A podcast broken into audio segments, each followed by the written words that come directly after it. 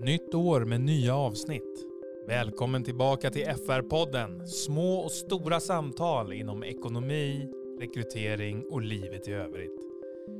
Idag så pratar jag med Ami Hemviken, beteendevetare, författare och föreläsare.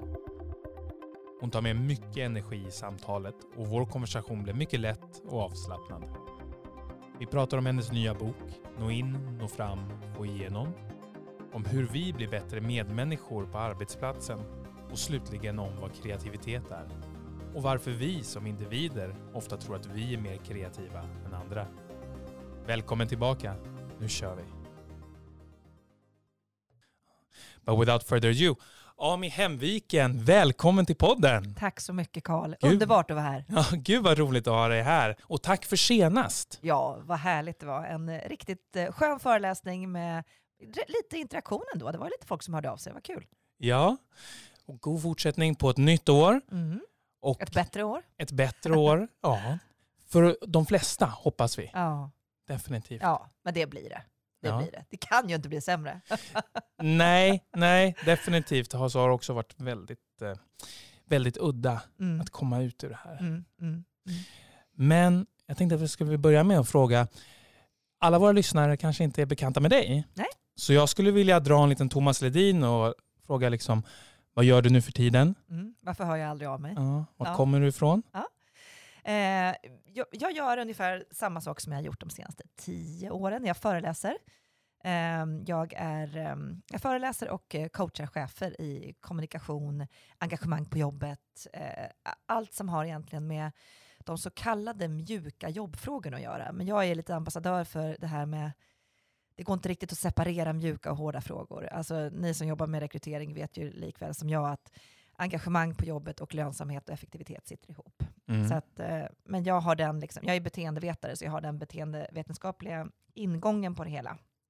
Eh, och eh, jobbar med att inspirera och försöka få folk att utmana sina invanda beteenden. Ja. För att helt enkelt få det både lite roligare på jobbet, men också lite mer effektivt och lönsamt. Okej. Och det här har du hållit på med i drygt tio år. Ja, typ. Jag jobbade som utbildare, höll lite längre kurser i, i början, alltså upp till ja, lite mer program liknande. Och sen har det blivit mer och mer de senaste sju, åtta åren, mer och mer eh, alltså korta så kallade inspirationsföreläsningar. Ni vet, sådana här dubbelpistol. Ja, ja visst. Ja, visst. Eh, så det tillsammans med chefscoachning och, ehm, och så får jag ju också nu benämna mig själv författare. Mm. Det är ju lite stort för mig. Du har kommit ut med din andra bok relativt nyligen. Ja. Nå in, nå fram, få igenom som handlar om just jobbkommunikation eller medvetet kommunicera på jobbet i alla de här situationerna som kan vara lite utmanande. Alltifrån få mer effektiva möten, få eh, roligare korridorsnack, eh, få det att funka på distans som vi får, försöker göra nu, eh, till att hålla presentationer eller nå igenom digitalt.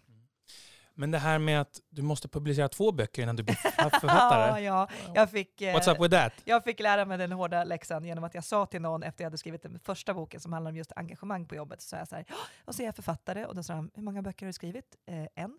Då är du skriftställare. Sa denna person. Skriftställare. Och det vill man inte gå runt och vara, så då såg jag till att skriva en till bok. Så nu är jag författare. Och nu har jag fått lite blodad tand, nu tycker jag det är rätt kul. I början hade jag sjukt mycket prestationsångest, men nu känner jag att det är ganska roligt. Jag har en medskribent, jag har en kvinna som jag jobbar med som heter Inger Lundin som är världens skönaste att jobba tillsammans med, för jag är ingen ensam varg. Jag är inte den där jag är ingen svår författare som sticker ut i en stuga ensam. Dels kan jag inte göra det heller, för jag har fyra ungar att ta hand om, så det vore lite Ja, det blir väldigt... Eh. Men, eh, men så länge jag får jobba med någon och får kommunicera och prata högt och samtidigt som jag skriver så, så funkar det bra. Du skriver faktiskt i din bok lite grann om hur det var att skriva boken. Och just att du hade väldigt mycket prestationsångest och kände så här, det här var inte tillräckligt bra, men jag vet inte, har jag för lite text, har jag för mycket text? Mm. När vet du att du har tillräckligt mycket text? Nej men gud, det vet man ju inte. Jag, eller man, jag ska prata för mig själv, det vet jag aldrig. Det Jag. är därför det är så himla skönt att ha Inger med. Eh, och hon är också sån där, det faktiskt skriver jag också i boken, för hon är så himla duktig på att ge feedback. Eh, hon, eh, när jag skriver lite för lite eller har för lite bakgrund eller sådär, så, så istället för att säga det saknas, det här, eller du har skrivit för lite, så skriver hon åh, här längtar jag efter att få höra mer om varför du upplever det här. Eller här längtar jag efter lite bakgrund. Här önskar jag få höra. Så att det blir som en längtan och en önskan från henne. Så då känner man sig så här snäll när man ger det. Och, och det är roligt att ge. Och det tog jag faktiskt med i mitt kapitel just om feedback. För det är väldigt svårt att ge vuxna människor feedback på saker och ting som kan utvecklas utan att man känner sig nedtryckt. Eh, och det, jag försöker lära mig det, att här längtar jag efter, här skulle jag önska mig att eh, få höra mer om. Det är ett väldigt trevligt sätt att uttrycka eh, feedback, som är mycket mer effektivt då än om den andra ska känna sig nedtryckt och liksom värdelös. Mm. Så att, eh, mm. Ja. Jag har ju läst din bok. Jag tyckte att den var väldigt bra. Eh, Vilken av dem? eh, Den senaste. Senaste? Mm. Den senaste boken. Mm. Eh, Och det är inte tanken att vi ska berätta eh, om hela din bok utan jag uppmanar alla som tycker att det är intressant med kommunikation att eh, införskaffa den. Ja. Men det är ändå några delar som jag skulle vilja dyka ner i och Mm. liksom eh, få reda på lite mer Mm. om hur du eh, har tänkt. Mm. Och en del är just den där feedback-delen. Ja. Varför har vi svårt att bli uppmärksammade med positiv feedback? Ja. Men det är väl en av de största gåtorna, tycker jag, inom arbetslivet och alltså samhället i stort, tycker jag. Därför att man har ju snackat om liksom vikten av feedback sedan 70-talet. Alltså det är ju inget nytt. Alla vet att, att vi behöver det för att bli bra, för att prestera bra och för att må bra. Det är ju ingenting som är nytt med det. Ändå är vi så himla dåliga på det. Och trots att man vet det så vet man att när man har fyllt sex år, då har man fått två tredjedelar av allt beröm man kommer få i hela livet. Alltså så här, det är så deppigt. En tredjedel kvar i hela livet. Och så vet man att när man får beröm, det vill säga positiv feedback, då sänks kortisolnivåerna, det vill säga stresshormonet går ner, endorfinerna går upp, vi, blir, vi ökar upplevelsen av tillit och förtroende, vilket gör att vi blir lite bättre Mm. människor. Vi blir vårt bästa jag. Så det här vet man. Så det betyder ju också att om du ger mycket positiv feedback till människorna runt omkring dig så blir de ännu bättre. Alltså, så man kan ju också göra det bara liksom av ren egoism. Man vill ha ännu skönare kollegor. Ja, men plussa det som du uppskattar. Och givetvis ska ju positiv feedback alltid vara äkta och ärligt. Behöver man ju kanske inte säga. Men varför är vi så dåliga på att säga det? Därför att en sak är säker, vi tänker väldigt mycket positiva tankar om varandra. Det gör vi faktiskt. Eh, men vi får liksom inte riktigt ut det. Och jag har funderat ganska mycket på det där och jag tror att lite grann så är det alltså, på ett sätt lite svenskt, det här med att vi vill inte förhäva oss själva. Vi tror på något sätt att om jag ska ge dig beröm eller positiv feedback, då behöver jag vara lite över dig för att säga någonting schysst. Och det, och det är ju helt fel. Det är ju Det helt här var duktigt av Ja, dig. precis. Åh, bra Karl! Vilken fin radioröst du har. Alltså, vi, jag kan ju säga det helt ärligt och öppet. Gud, vilken skön röst du har. Eh, utan att jag liksom ska komma på något sätt ovanifrån. Jag vet- tar det som en komplimang. Ja, men Tack. gör det. Gör, den är väldigt skön att lyssna på. Nu sitter jag med lurar så jag hör hur ni kommer höra när ni lyssnar. Det är oerhört härligt. Eh, men eh, det tror jag kan vara den ena. Och det andra är att vi är rädda att liksom, det ska upplevas fjäskigt. Alltså, jag får ofta höra så här, jo men man kan ju inte ge beröm till sin chef till exempel. Så jag, Stackars alla chefer, får de aldrig höra att de duger och är bra. Um, så att man, man är rädd för att fjäska, man är rädd för att vem är jag och, och, liksom bedöma någon annan. Och det jag menar med positiv feedback, det är ju det är inte en bedömning, det är ju en känsla och åsikt av bekräftelse kring åh, vad härligt det blev och vad bra och det här kändes gött för mig. Det är, feedback är ju aldrig en, en objektiv utvärdering, av det är ju bara en upplevelse i, i det här nuet utifrån mig som person. Så det kan vi ju alla bjuda på. Och sen tror jag också ytterligare en anledning är att vi har gått så jäkla många kurser i att ge den korrekta feedbacken. Mm. Eh, så att vi har lärt oss det här beteende, känsla, konsekvens. Eh, och så tänker vi, okej, hur ska när du pratar med din härliga eh, radioröst så upplever, eller vänta, jag upplever att nej, du beter dig, nej, ja, nej, konsekvensen av, och så blandar vi ihop det. Och så tror vi att det är det som är meningen, att vi ska säga en perfekt feedback. Mm. Ehm, när det är positivt, när det är stärkande, när det är något beröm, då brukar jag säga så här, skit i hur det sägs. Säg så här, åh, härlig röst. Eller, vad glad jag blir av att se dig. Eller, gud vilken skön energi du har. Det är ingenting beskrivande egentligen i det. Eh, men däremot om den personen som får det vill veta mer, ja men ställ då frågan. Åh, vad är min röst? Eller vad då är min energi? Berätta mer. Mm. Eh, men att det ska hindra en från att säga det bara för att man kanske inte säger det på helt rätt sätt, det blir för deppigt. Så låt det bara komma, tänker jag. Mm. Och sen tror jag, jag säger en fjärde grej nu då, alla goda ting är tre, men jag säger en fjärde grej. Jag tror att många av oss har flera gånger bestämt oss för att nu ska jag bli en sån här som säger, som bekräftar andra människor mer. Mm. För jag vet att både jag mår bättre av det och de mår bättre av det. Därför att när jag ger positiv och stärkande feedback så får också den som ger en dopaminbelöning från hjärnan. För hjärnan vill belöna allt beteende som är sammansvetsande för flocken. Mm. Så hjärnan tycker så här, oh shit vad bra att du tar hand om flocken. Bra, superbra, så får man en liten dopaminkick av det. Så att det är också väldigt härligt för dig som ger. Och då har vi alla suttit på kurser, och man läser böcker så tänker man så här, ja, jag ska bli mycket bättre på att eh, bekräfta min omgivning och ge beröm. Nu ska jag göra det. Och sen gör man det inte ändå. Och då eh, tänker jag att för att det ska bli ett nytt beteende, för det här handlar, om, handlar ju om en beteendeförflyttning lite grann, så måste vi göra på samma sätt som till exempel fysisk träning. Att vi måste sätta upp mål. Så här, bestäm dig då för sig, okay, hur många gånger per dag ska du säga någonting schysst till en kollega? Eller till dina olika kollegor. Är det fem gånger eller tre gånger per dag? Eller vad ska du börja med? Bara en enkel målsättning och sen följa upp dig själv. Du får inte logga ur. Du får inte gå hem från jobbet förrän du har levererat på det. Och då säger någon så här, ska jag hitta på saker? Nej men fasen, klart du hittar fem bra grejer under en arbetsdag. Liksom. Det är ju inte svårt. Och det behöver inte vara stora saker du uppskattar, det kan vara små saker. Det är oftast ännu skönare. Så att målsätta sig själv och följa upp sig själv därför att det är en beteendeförflyttning. Det räcker, jag brukar ofta säga att det är inte tanken som räknas. Det räcker inte med att fatta att bekräftelse är viktigt, sen måste vi göra.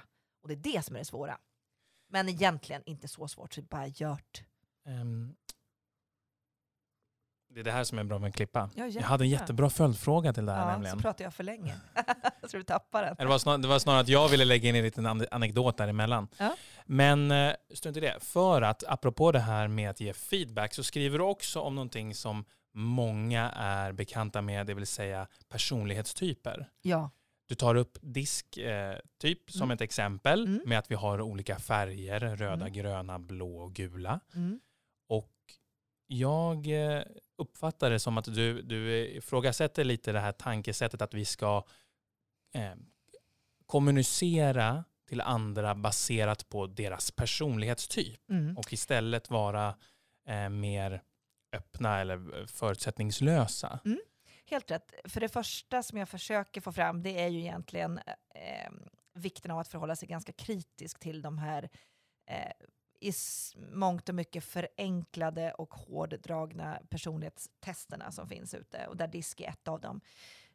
Um, omgiven av idioter har slagit igenom stort, uh, men uh, det finns inte så mycket vetenskaplig forskning i dagsläget som, som stöder uh, det här hårda sättet att kategorisera människotyper. Um, det är gammal forskning, det, det baseras på, man har kommit mycket, mycket längre inom psykologin. Så att um, jag vill börja med att egentligen eh, slå hål på den tron att det går att dela in människor i olika färger, därför Mm. att det funkar inte så. Eh, och, men det bygger ju på en ny... Alltså, att den boken har sålt så mycket är ju på något sätt härligt på ett sätt, därför att den bygger ju på en, en nyfikenhet. Det visar ju att vi människor är nyfikna på varandra och vill förstå mer. Och då är det väldigt lätt att man hamnar i ett förenklat svar. Det är ju superskönt Ja. liksom, att, att vi eh, säger så. Får det svart på vitt. Ja, exakt. Och då ska jag i och med det förhålla mig på olika sätt till olika personlighetstyper. Det kan bli väldigt fel. Både i mitt förhållningssätt men också i hur jag eh, behandlar alla män, andra människor och kopplat till er bransch, hur vi, om vi börjar rekrytera utifrån det. Det kan bli väldigt mycket fel och vi kan faktiskt få människor att, att sluta växa och tro att nej, sån är jag. Jag Mm. är gul, jag är ostrukturerad. och så kan vi strunta i... Karl räcker upp handen här, ska jag berätta för lyssnarna. Eh, och då, Karl, kan man träna på beteenden som handlar om struktur. Mm. Ehm, och det är klart att vi, alltså våra hjärnor är plastiska. Vi kan träna in nya beteenden. Jag är ju beteendevetare. ehm, utbildad beteendevetare därför att det finns personer i området som säger sig vara beteendevetare så frågar man Jaha, är du? Ja, jag är väldigt intresserad av människors beteenden. Det finns det. Ja, Men hur det är jag med. Ja. och då var det någon som sa att ja, eh, jag är meteorolog. Är du? Ja, jag är jätteintresserad av väder. Mm. Men hur som helst, med detta sagt. Jag tänker att eftersom det är så pass svårt att, ehm, att eh, dela in människor i personlighetstyper. Det finns ju en, som, en eh, eh, sida av den här forskningen som är mer vetenskapligt belagd och det är the big five, eh, femfaktormodellen. Eh, där man har sett att vissa av våra beteenden faktiskt är eh, eh inte övergående över tid, utan de är ganska så stabila över mm. tid.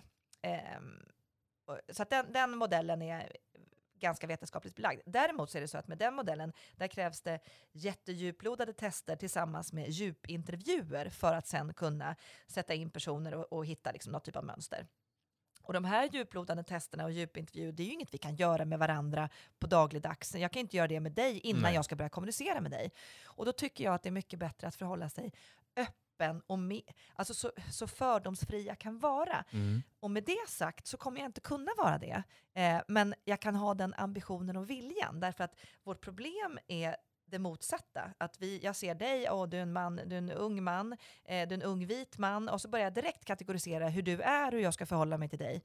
Eh, ju mer öppen jag kan vara, desto närmare kommer jag kunna hitta ditt sätt att ta emot mig, därför att jag kommer förhålla mig nyfiket, istället för att bestämma mig för att du kommunicerar säkert liksom de flesta unga vita män som jag har träffat hittills, och då ska jag vara mer tydlig och mer rak, och sen så är du säkert en gul personlighet, så då ska jag skämta lite mer och ska göra si.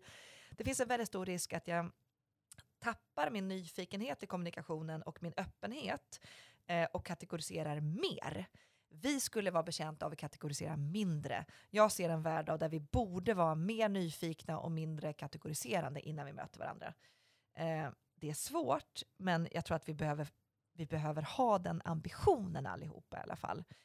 Eh, så att färre kategori, eh, eh, kategoriseringar och mer nyfikenhet och mer öppet sinne som bygger på Alltså det är fint att vara nyfiken brukar jag säga. Bygger på att fråga, eh, bygger på att eh, visa intresse, bygger på ett människointresse helt enkelt. Det bygger på en relation. Ja. Du, en relation som du skapar till en annan människa genom att visa att jag vill veta mer om dig. Ja, men, exakt. men tillåt mig ta ett steg tillbaka ja. och igen till de här kategoriseringarna. Mm. För den oinvigde då, varför känns det så slående, så otroligt spot on ibland när man gör de här testerna. Varför ja. känns det som, gud, jag har, har den här personen skrivit om mig? Ja, ja. Varför är det så? Ja, det finns många anledningar till det. En anledning är eh, språket på vilket man beskriver personer. Eh, att det man hittar ord och, och språk som, som många kan känna igen sig i. Man har gjort tester, eh, eller försök där man har gett samma beskrivningar till, till en jättestor mängd människor av helt olika typer och alla har känt igen sig. Um, och sen så handlar det också om att man, man vill väldigt gärna förstå sig själv. Man vill bli sedd och bekräftad och man vill förstå bakgrunden till varför man handlar och kommunicerar på olika sätt. Alltså det finns en väldigt stark önskan i det. Och det är samma önskan som, som de som upplever att man, man känner igen sig väldigt mycket i stjärntecken. Och, nu kan vissa som, ja, men, men, men alltså det är faktiskt samma önskan, att man vill, bli, man vill förstå sig själv, man vill förstå sin omgivning. Och den önskan är så stark så att, man, så att det blir självuppfyllande. Mm. Eh, sen är det klart att vissa av de här beskrivningarna, alltså vissa delar är ju såklart helt rätt, därför att det är klart att det är, men, men vi har en tendens att förstora de delarna eh, och, och känna gud, det där känner jag igen mig, gud, och sen så de delar vi inte känner igen oss i, det står till och med i DISK och andra sådana typer av personlighetstester att eh, stryk det du inte håller med om. Ja. Och, då, och då blir det ju väldigt märkligt, vad är det för test?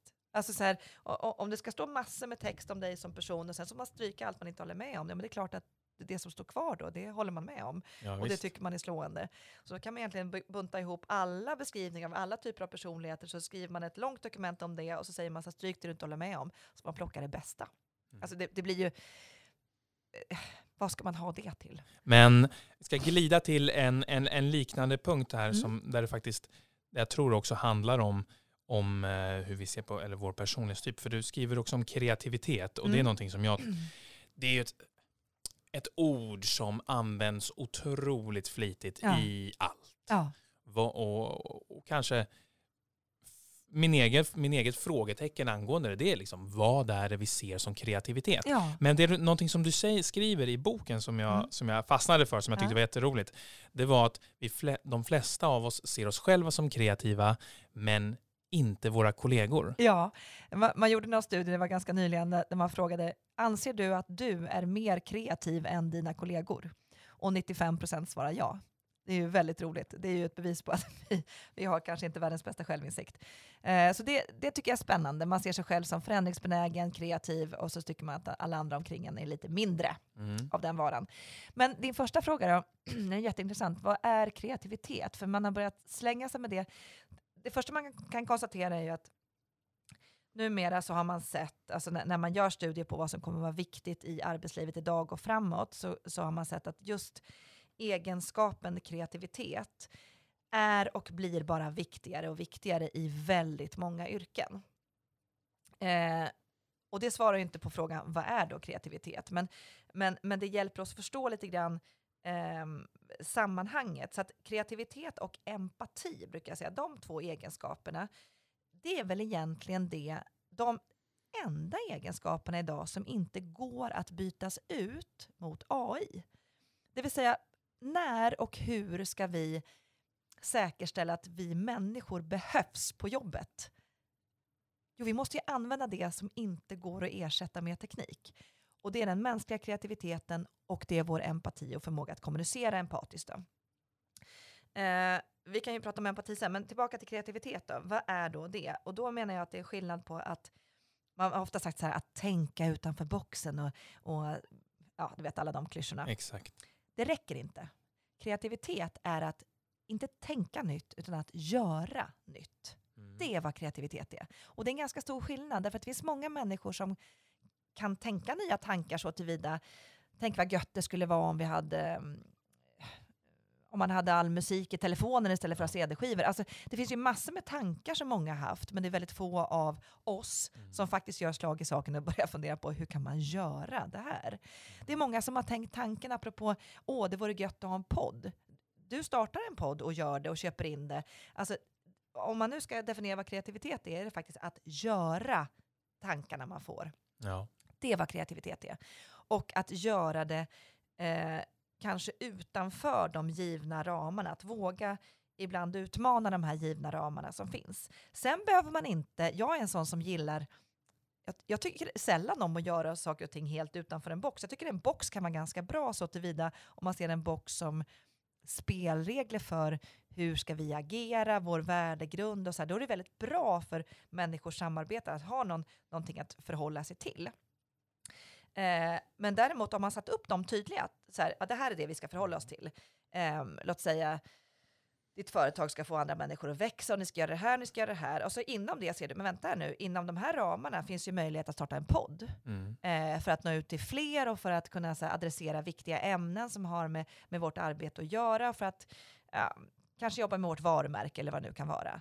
Ja, men då är det en kreativ tanke inom en värdegrund eller inom spelregler. Så jag tror att man kan förhålla sig till ja, en värdegrund eller spelregler. Eh, om de är tydliga så kan vi bli mer kreativa, tror jag.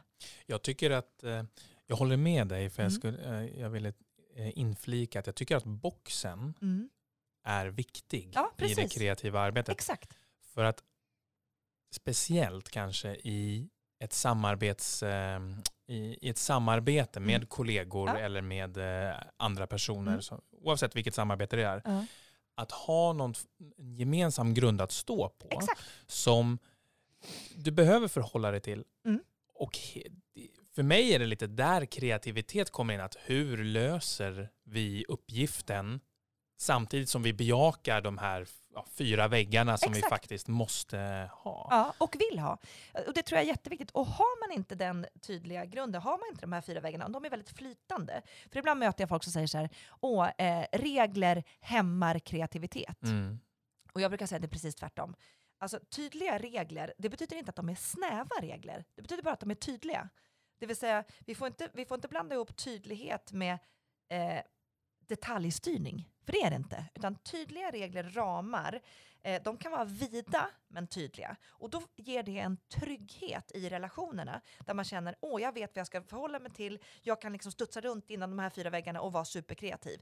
Men om de är lösa i kanterna för man tror att då kan folk bara flumma ut och hitta på Mm. massa nya saker då blir det otryggt. För då vet vi inte. Då så här, vänta, undrar om man skulle göra en podd? Nej, fan, det kanske de kommer tycka är skitdumt. Jag har ingen aning om det ligger i linje med... Nej, det vågar jag inte säga. Alltså, då sätter man upp massa sådana hinder för sig själv istället. Eh, och jag tänker de här riktigt kreativa organisationerna, de här ja, Google med flera, som, som har lyckats liksom på, på många sätt hitta eh, nya områden, alltså, liksom hittar nya banor. De har ju också ganska tydliga eh, okay, en dag i veckan jobbar vi med kreativitet inom de här ramarna. Alltså man ja, hittar precis. ändå ramar för kreativiteten som, som skapar trygga relationer. Och med det sagt, kreativitet föds väldigt mycket i samarbetet mellan människor ju. Det vill säga när vi får input från olika influenser. Och, och ju mer olikheter vi kan hitta, desto mer eh, kreativitet brukar vi också kunna nå. Eh, det gör att eh, det man kan se när vi har jobbat hemifrån väldigt länge, många av oss, är att vi upprätthåller dialog och kommunikation med det närmsta teamet som vi jobbar med. Men influenser utifrån, det vill säga en annan avdelning eller en annan funktion, kanske vi tappar. Vilket gör att, att i förlängningen, nu när vi har jobbat hemifrån så länge, så tappar vi lite av kreativ kreativiteten tror jag. Ja, jag tror också att det är otroligt viktigt att tillägga att vi håller den, den nära cirkeln mm. håller vi fortfarande. Ja. Eh, för det är de som är mest tillgängliga. Men ja. även här på bolaget där jag arbetar har vi uppmärksammat att vi måste vara mer proaktiva i att bara kommunicera med alla andra i organisationen. Nu är Precis. vi mindre än 20 personer. Men, ja, men ändå, det räcker. Mm. Ja, mm. och för att, för, för att bi, dels för att bibehålla en sammanhållning, mm. men också för att vi har ju ändå, oavsett om man har stora eller mindre grupper, så skapas det ju olika typer av kluster ja, ja, där människor klart. hänger ihop. Och mm. där mm. har vi ju olika, om vi använder fortsatt kreativa, mm. kreativitet som är ord, olika kreativa impulser som mm. vi drar av mm. när vi är tillsammans. Ja, men som vi inte exponeras för på, på distans. Nej. Hur, för Amin, du, du, du, du har sån fantastisk energi och, och för mig så uppfattas du väldigt kreativ. Det har jag bara på sättet som du pratar och du formulerar. Jag, jag älskar att lyssna på, på människor som pratar som pratar bra. Det tycker jag att du gör. Hur har du hanterat att vara hemma? Ja, bra fråga. Eh, din första fråga om jag är kreativ, jag vet inte 17 om jag skulle se mig själv som så himla himla kreativ. På din hemsida står det liksom, ja du är sångare, ja. konferencier, sångare? Ja, typ. ja. Nej, men det där är också intressant därför att det är kreativa uttryck, alltså det här att, att um, konstnärliga uttryck eh, och kreativa uttryck kan ju ibland eh, förväxlas lite grann. Alltså jag tror inte att jag är superkreativ som person. Jag är ingen som, som utmanar mig själv hela tiden. Jag kan däremot tycka att det är rätt skönt att och göra saker som jag, jag blir bra på. Jag vet många som, till exempel i min roll som utbildare, så vet jag många av mina kollegor som höll liknande kurser som jag, som sa att när jag har hållit samma kurs tre gånger, nu har jag tröttnat på den här kursen. Och jag tycker bara att det blir roligare och roligare. Och visst, på ett sätt, jag är kreativ i mötet med människor, mm. i kommunikationen, men jag är inte kreativ så tillvida att jag behöver göra nya saker hela tiden för att förhålla mig eh, på tå, om du förstår vad jag menar. Jag förstår och jag, jag, jag förstår också vad du menar mm. med att du tycker att du inte är kreativ och det är väl här det är ännu mer spännande att ha meningsskiljaktigheter mm. för att jag anser ju att det är kreativitet för att jag, nu tror jag, mm. eh, eh tror på sommaren, men mm. nu tror jag mm. att anledningen att du gillar att göra samma utbildning mer och mer och mer är för att du kanske hittar mikrodetaljer som du ändrar på ja. eller du ändrar små grejer mm. och du ser, du, du liksom fine-tunar mm. dina utbildningar. Mm. Och för mig är det, det är kreativitet för mig mm. att, att mixtra lite med de här små grejerna. Mm. Det behöver mm. inte vara att förnya sig själv Nej. varje gång. Jag Nej. tycker inte det. Nej. Och det är det som jag också menar med språk. Att att vara duktig på att uttrycka sig, att mm. vara duktig på att prata. Då, mm. Du skapar kreativitet, crea, creation, mm. att skapa. Ja, du, du, skapar ju språk mm. när du pratar. Mm. Och om du är duktig på det så det, ja, mm. det är en ja. tolkningsfråga. Ja. Men tack får jag väl säga, det är något fint att vara det. Men, men jag tror att, men jag är nog på vissa sätt kreativ och på andra sätt eh, eh, också ganska trygghetssökande.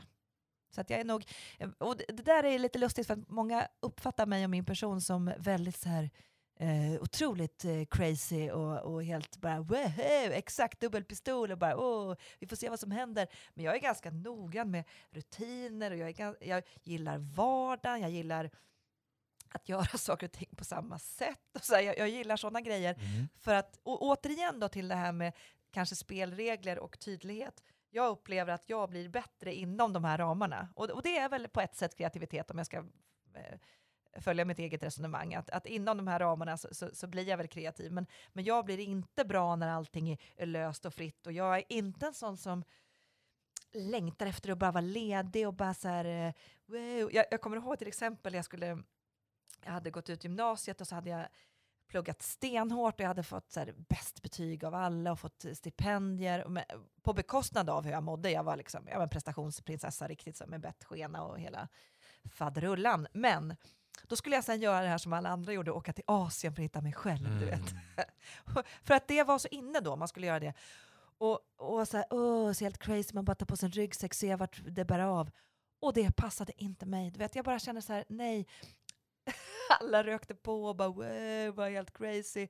Och jag bara längtade hem. Och det, var, det var så rolig bild av så här, jag skulle, nu skulle jag försöka vara ung och, och galen. Ja. Och jag, jag trivdes liksom inte. Jag gillar vardag, jag gillar en struktur. Eh, och så gillar jag att hitta de där härliga mötena i det. Mm. Det här tycker jag är superspännande. Jag älskar att prata med busschauffören eller jag älskar att liksom lära känna Coop-kassören. Alltså sådana möten i det, där är jag hur, om man ska kalla det för kreativ som helst, där älskar jag att få input och att ge input och, och att jag tycker att det, det skapar guldkant för mig. Eh, det är inte den där simma med delfiner-grejen, det är inte bestiga berget, det är det här eh, lilla mötet. Jag älskar det. Jag kan gå och le efter här skön ordväxling med en förskolepedagog vid lämning. Om jag känner Ja. att det är, om jag får flow där så kan jag tänka, fasen vad gött det är ändå. liksom, så där får jag min energi. Och inte i att längta efter semestern eller ja. Du är ambassadör för välgörenhetsorganisationen Plan International Sverige. Ja, Um, skulle du bara vilja berätta lite kort Ja. vad, vad det är? jag har valt att donera alla mina intäkter från min senaste bok eh, till just deras arbete. Eh, med fok- de, de fokuserar ju på flickor. Mm. Det finns ju väldigt mycket forskning som, som stödjer just att lyfter vi flickor och kvinnor i eh, u-länder och i drabbade eh, områden så lyfter vi hela samhällen. Ja. Och tyvärr är det ju så att flickor och kvinnor drabbas hårdast i precis alla katastrofer, så även i den här pandemin. Eh, vi ser att flickor tas bort från skolan i ännu högre utsträckning. Eh, de gifts bort ännu tidigare.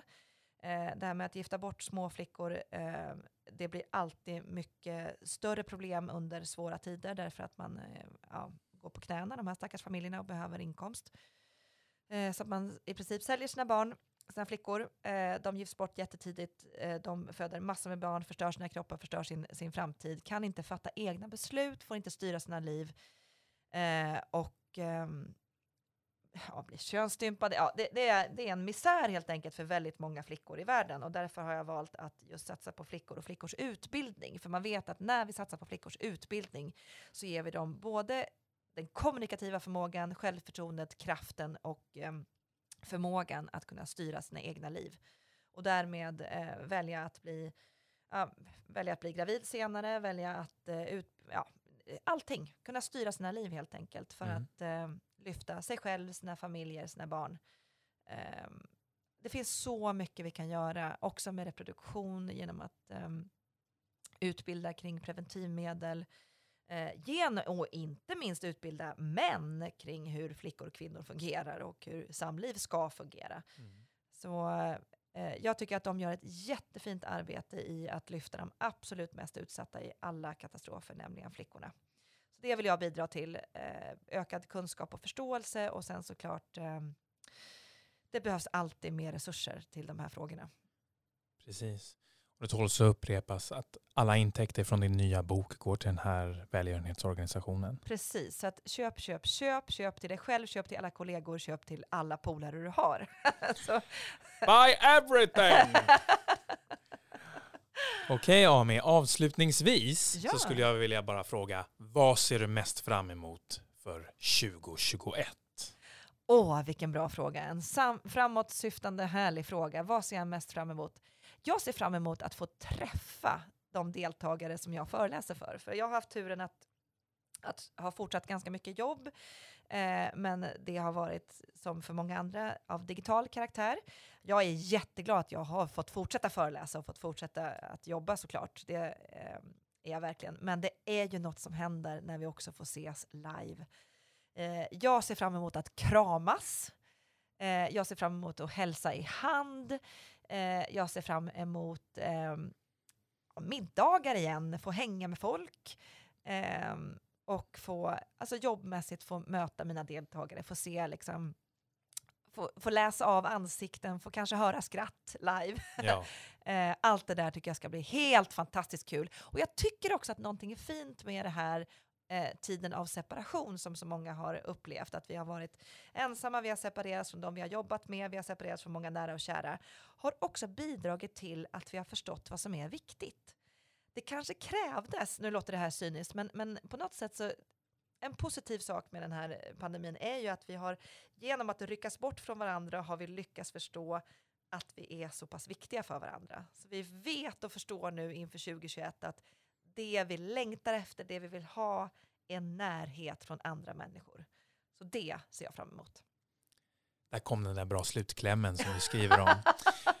Tack så jättemycket Ami Hemviken. Tack, Carl. Jag hoppas verkligen att du får det här året som du ser fram emot. Tack så mycket, detsamma. Och jag önskar dig en fortsatt fin dag. Detsamma Karl, tack för att jag fick komma.